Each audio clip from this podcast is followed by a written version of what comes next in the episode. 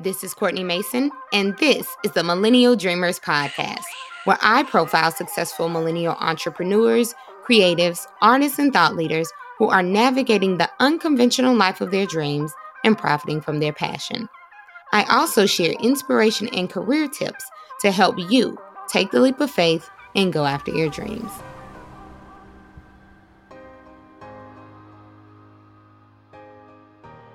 Welcome back, beloved, my brethren and sistren. I hope you're doing well, and I hope, for the love of all things holy, that you can't hear the lawnmower that's going on. I've tried to go into every room in this home to avoid them, but you know, hey, when you're trying to get something done, it's always going to be some type of hindrance that wants to stand in your way, but we shall prevail. Anywho, I will not be before you long. As my dad says, I will not tarry. On this episode, I wanted to make this one quick and easy of bite of information that a lot of us likely, or you know, many listeners will find useful because we're at home and you know the title of it. So, uh, this is about mastering work from home and balancing that when you're not used to it. I got thought about this topic because I got a message on Facebook and the friend mentioned that they heard or they recalled an episode like a year or so ago where I talked about negotiations. And in it, I explained how I negotiated a work from home situation. So I've been working from home for you know over two years now i go into an actual office like twice a week but i'm working primarily at home. And if you know if i'm traveling or something for work then i might not go into the office at all.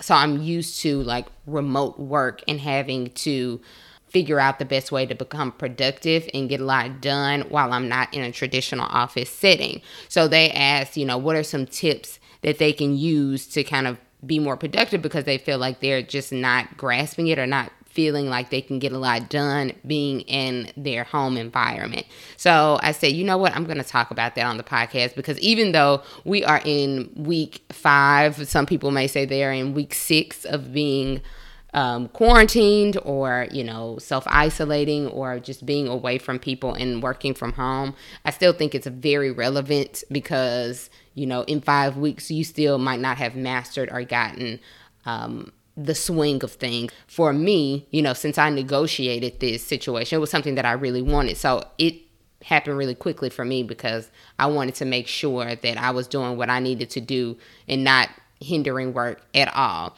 So, long story short, we're just going to hop into it. I have about five tips and then I'm going to let you be on your way and I'm hoping you're having a great day. The first one maintain standard work hours. You want to get up at your normal time and prepare yourself as if you're going up. Like if you regularly wake up at seven o'clock in the morning or six o'clock in the morning to start getting ready for work, and that includes time that you can sit on the side of the bed and just kind of sit in the darkness for about 20 minutes to mentally prepare, you still need to do that. If you need to um, you enjoy like sitting and reading or meditating, you want to still do those things. If getting a, a, cup of coffee and all that before you like open your computer and look at emails is what's necessary, you want to do that.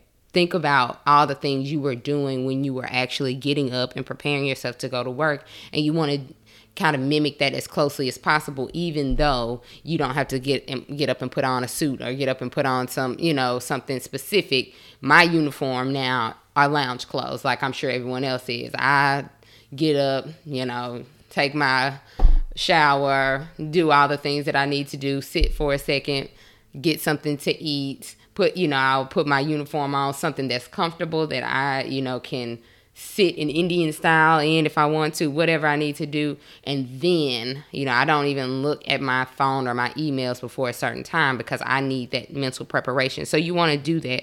Just don't roll out of the bed and and pick up your computer and go. One of my coworkers sent me a meme of like a dog with glasses in front of in front of a computer and it said this is me waking up at 7.55 to start work at 8 o'clock. Don't be that person. You want to make sure that you're preparing yourself for a regular work day. The second thing you want to create a specific place that you will work. Uh, my guest bedroom is also my home office space. I have you know i've set it up where in you know if people come and stay cool but in there i have my desk printer bookshelf all the things that I need for an office. And then it's also the room that has the most natural daylight or sunlight coming in. So I feel I need that type of thing for me to to feel alert and awake. I hate feeling like, you know, in office spaces you're under those fluorescent lights all day and I find it a privilege to be able to be in a space where you have windows with with with just natural light coming in in the home office. So um, that's where mine is. So wherever you can find a space. Sometimes I work downstairs um, at the the dining room table if I just want a, a different area. But wherever I start working, I usually stay there the majority of the day unless I just feel like, okay, I, have been doing a good bit. I've been really productive. Let me move to the couch for a little while just to get a little more comfortable or whatever. But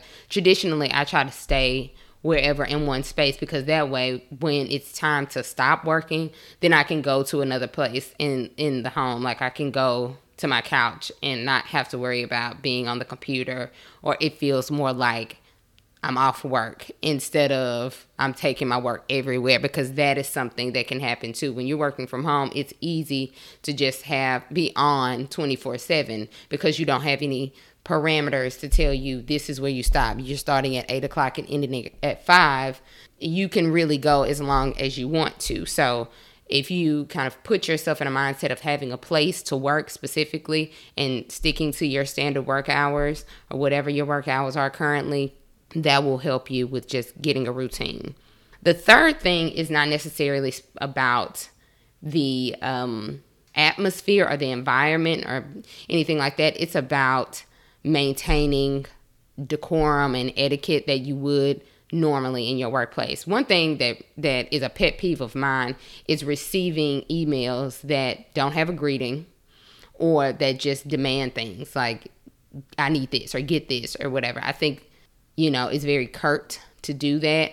I personally don't like it, so I don't do it to other people, but I know if you're not used to always using email or or what have you because you're you're able to get up and go and talk to someone face to face, then think of sending emails in the same vein. You wouldn't go up to your coworker and say, "Do this," you know, like "Give me this," or "I need this by which to such and such." Like you would say, "Good morning, how you doing?" You know, whatever. You don't have to do all of your pleasantries, but definitely have a sense of etiquette and decorum when you're communicating with people. Now that everything is mainly electronic, I'm pretty sure you you might call people, but a lot of the the, the communication and teamwork is done via electronic communications.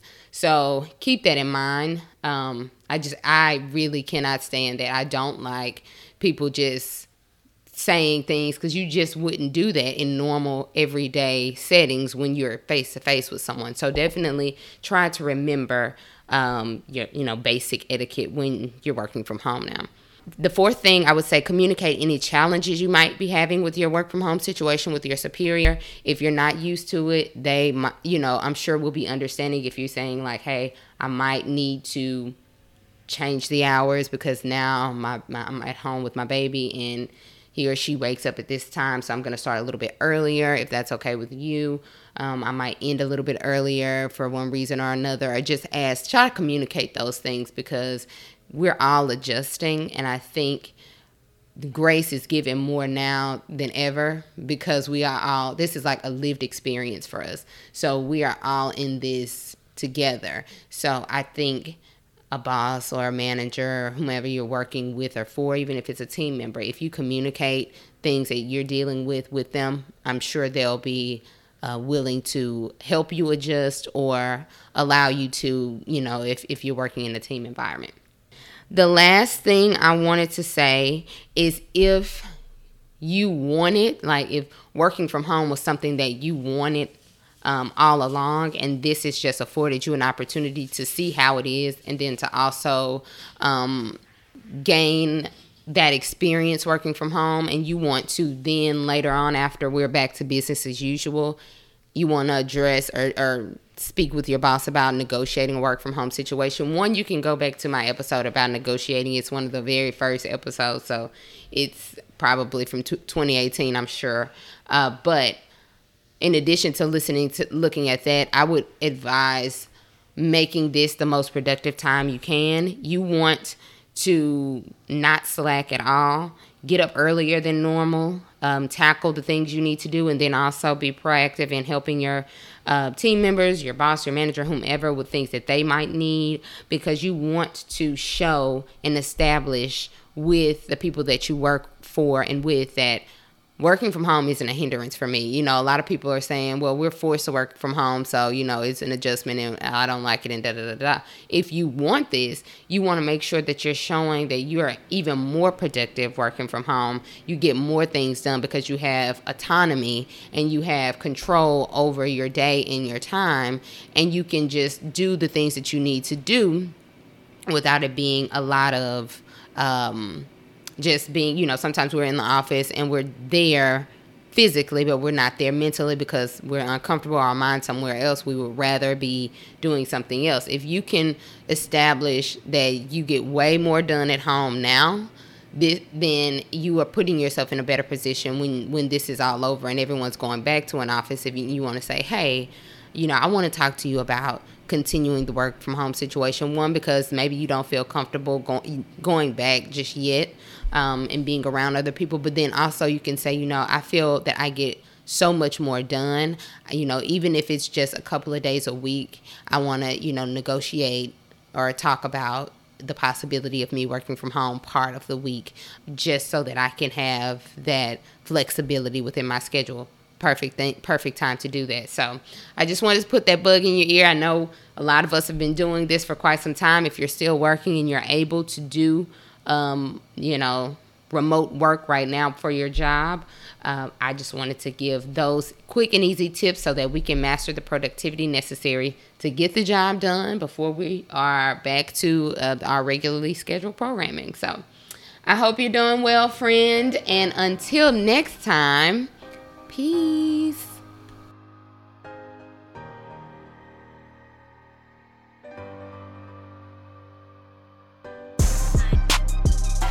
Thanks for listening to this week's episode. But before you leave, hit the subscribe button and leave a comment. We want to know what you think about the episodes that you've heard so far. Let us know by subscribing and leaving a comment. And again, thank you for tuning in. We'll talk soon. Peace.